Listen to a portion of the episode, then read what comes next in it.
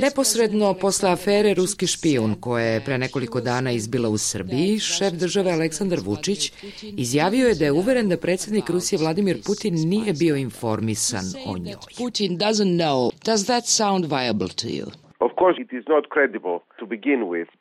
Nije kredibilno da nosilac vrhovne vlasti u zemlji, koja je zapravo vrlo autoritarna, u kojoj on dakle ima izuzetan stepen kontrole nad svime što se događa, ne zna operacijama koje njegove tajne službe izvode u drugim državama.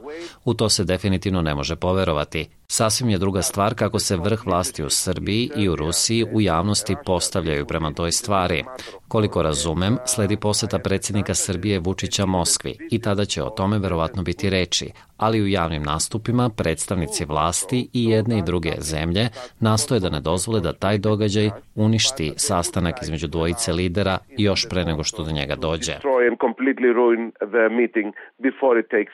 What do you make then of Vučić's state? Kako onda razumete tu Vučićevu izjavu? Sounds to me like the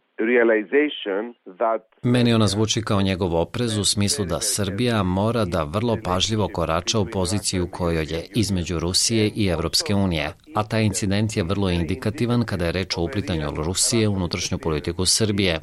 Ja verujem da srpska elita i predsjednik moraju da budu ekstremno oprezni u tome kako tretiraju ovaj konkretni problem, istovremeno imajući na umu sve različite aktere sa kojima grade odnose, Evropsku uniju, Rusiju, Kinu.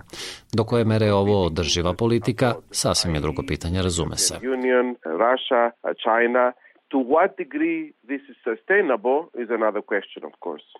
Do you have the feeling that... Da li imate utisak da obaveštajne službe sa istoka i sa zapada. Srbiju doživljavaju i tretiraju kao neku regionalnu šahovsku tablu na kojoj dakle igraju partiju sledeći sobstvene uzemno oprečne interese.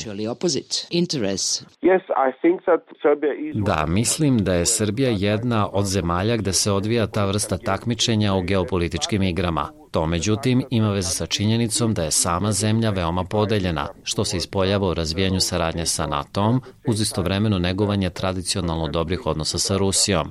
Dakle, podele unutar zemlje zapravo olakšavaju tu vrstu takmičenja obaveštenih sektora istoka i zapada na tlu Srbije.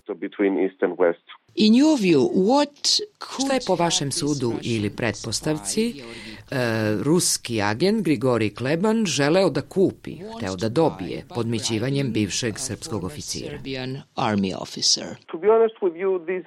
Da budem iskren sa vama, na to pitanje ne bih mogao detaljno da odgovorim jer je reč o vrlo tajnovitim i delikatnim stvarima. Mogao bih međutim da vam dam svoj uvid u širu sliku toga koje su to važnije namere Moskve na Zapadnom Balkanu. Ja verujem da je Rusija u ovom trenutku najzainteresovanija za prostor Evroazije.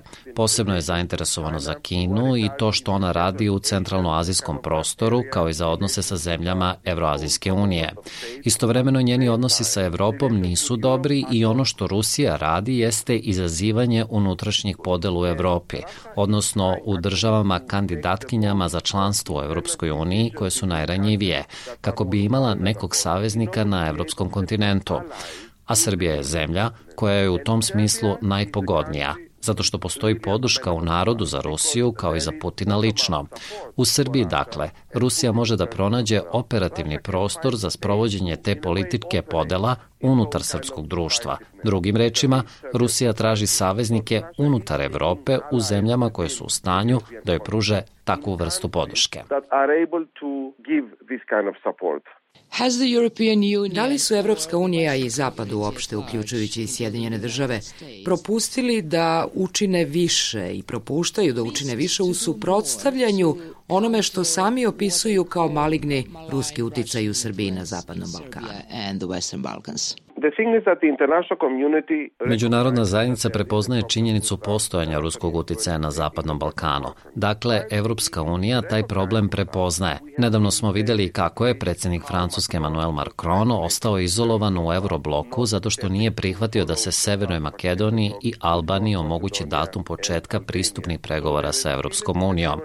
Dakle, još uvek imate neslaganje unutar same EU i obično je Francuska ta koja predvodi blok zemalja koje se protive proširenju Unije na države Zapadnog Balkana. Francuska je vrlo aktivna trenutno u obstrukciji ovog procesa.